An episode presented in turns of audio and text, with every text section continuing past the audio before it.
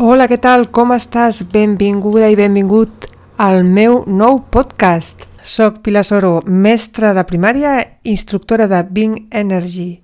Vitalitat.cat, el podcast en català, educació, benestar, energia i silenci.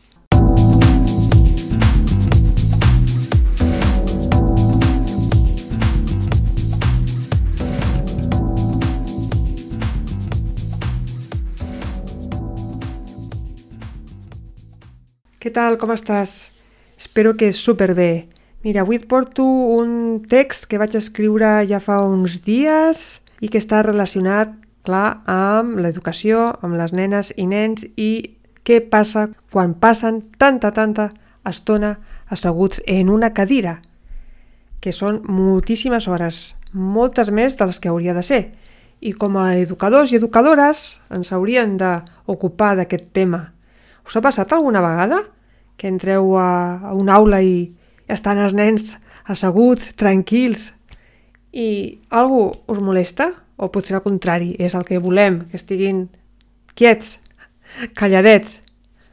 Potser les dues coses. A mi m'agrada que estiguin concentrats, treballant. Hi ha altres moments que han d'estar més en moviment, són nens. No m'agrada quan, fa, quan hi ha massa soroll, tampoc m'agrada quan fem aquestes macrofestes. Un tema que parlarem un altre dia.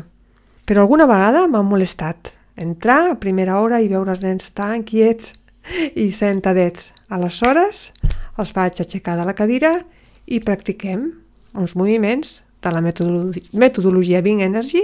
Són uns moviments fàcils d'aprendre, curtets, on movem tot el cos, les articulacions, els ossos, els músculs, on hem d'estar atents i atentes i res, podem posar una mica de música o no posar-la.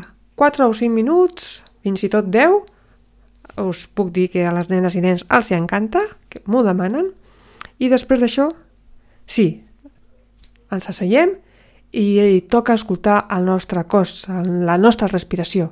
Podríem dir que fem una petita meditació o un petit silenci de dos o tres minuts. I a partir d'aquí ja podem començar la jornada escolar.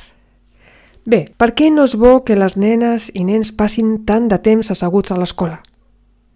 Mireu, al voltant de 4 hores és el temps que els nens i nenes passen cada dia asseguts en una cadira a l'escola.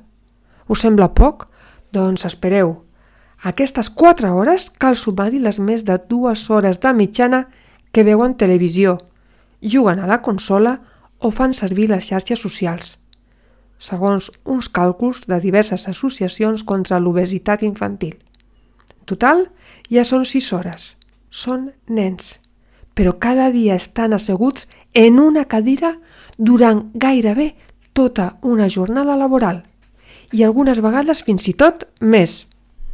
Hauria de preocupar-nos que els nens passin tant de temps asseguts? La ciència ho té cada vegada més clar. Estar moltes hores assegut és dolent per a la salut. És més, els investigadors s'han adonat que tan important és fer exercici de forma regular com ho és intentar estar menys hores assegut. Així ho conclou un estudi publicat recentment a la revista especialitzada Circulation del qual es va fer ressò mitjans internacionals com el The New York Times.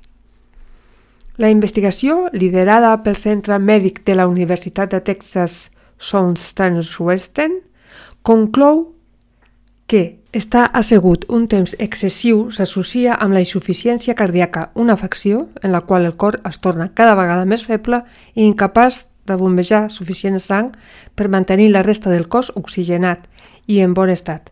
Això ho assegura l'estudi i també diu que hem d'enfocar-nos tant a fer més exercici com a estar menys temps asseguts. Subratlla el supervisor principal de l'estudi, el cardiòleg i professor James de Lemos. De la mateixa manera, tan important és que els nens fagin exercici a l'escola com que estiguin menys temps asseguts. Tant és així que el Departament de Psicologia Bàsica, Evolutiva i de l'Educació de la Universitat Autònoma de Barcelona, la UAB, va reclamar fa poc a les administracions educatives que incrementin el temps d'activitat física dins de l'horari escolar. Els investigadors van recalcar que moure el cos a classe no només és bo per al cor, també ho és per al cervell. El moviment físic moderat augmenta l'autoestima, el desenvolupament cognitiu i el rendiment acadèmic, alhora que redueix l'estrès, l'ansietat i la depressió, han afirmat. La inactivitat, per contra, està associada a malalties cardiovasculars, hipertensió, diabetis, obesitat, colesterol alt i depressió segons assenyala un altre estudi de la Fundació Tao contra l'obesitat infantil. La proposta des de vitalitat.cat és practicar amb la metodologia Being Energy, una pràctica diària entre 5 i 10 minuts d'activitat física a l'aula just abans de començar una classe, per exemple, i també la meditació guiada entre 2 i 3 minuts després de l'activitat física. La meditació funciona a partir de tècniques de visualització guiada que fem servir com, com a un joc o com un conte i els ensenyem a ser conscients de la pròpia respiració i del seu estat emocional. Els moviments de Bing Energy, d'altra banda, els ajuden a estar actius i atents, els ajuden a estar més concentrats. Aprendre la coreografia d'una petita sèrie de moviments els obliga a concentrar-se, a estar atents i a exercitar la seva memòria amb el cos i amb la ment. El resultat són uns nens i nenes més desperts, contents i creatius. Que el moviment és bo per al cap i per al cor ho defensen els científics, això està clar, però també ho defensen els escriptors. Per exemple, mireu, Orson Scott Card, autor de El joc d'Ender, va fer somiar a milers de nens i nenes amb les seves històries de fantasia i ciència-ficció i va escriure sobre el moviment. Va dir, el nostre cervell està interconnectat amb la resta del cos. No podem donar el millor de nosaltres mateixos si ens sentim febles o amb mala salut. Jo, per exemple, en les ocasions en què he fet exercici regularment, he tingut més resistència a l'hora d'escriure.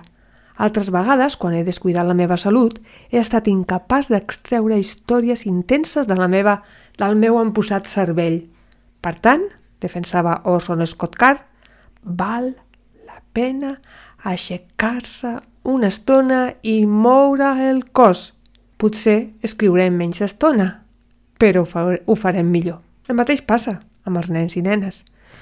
Moure potser es traurà uns minuts de fer tasques quotidianes, multiplicacions, sumes, restes, escriure, el llibre de text, el que sigui.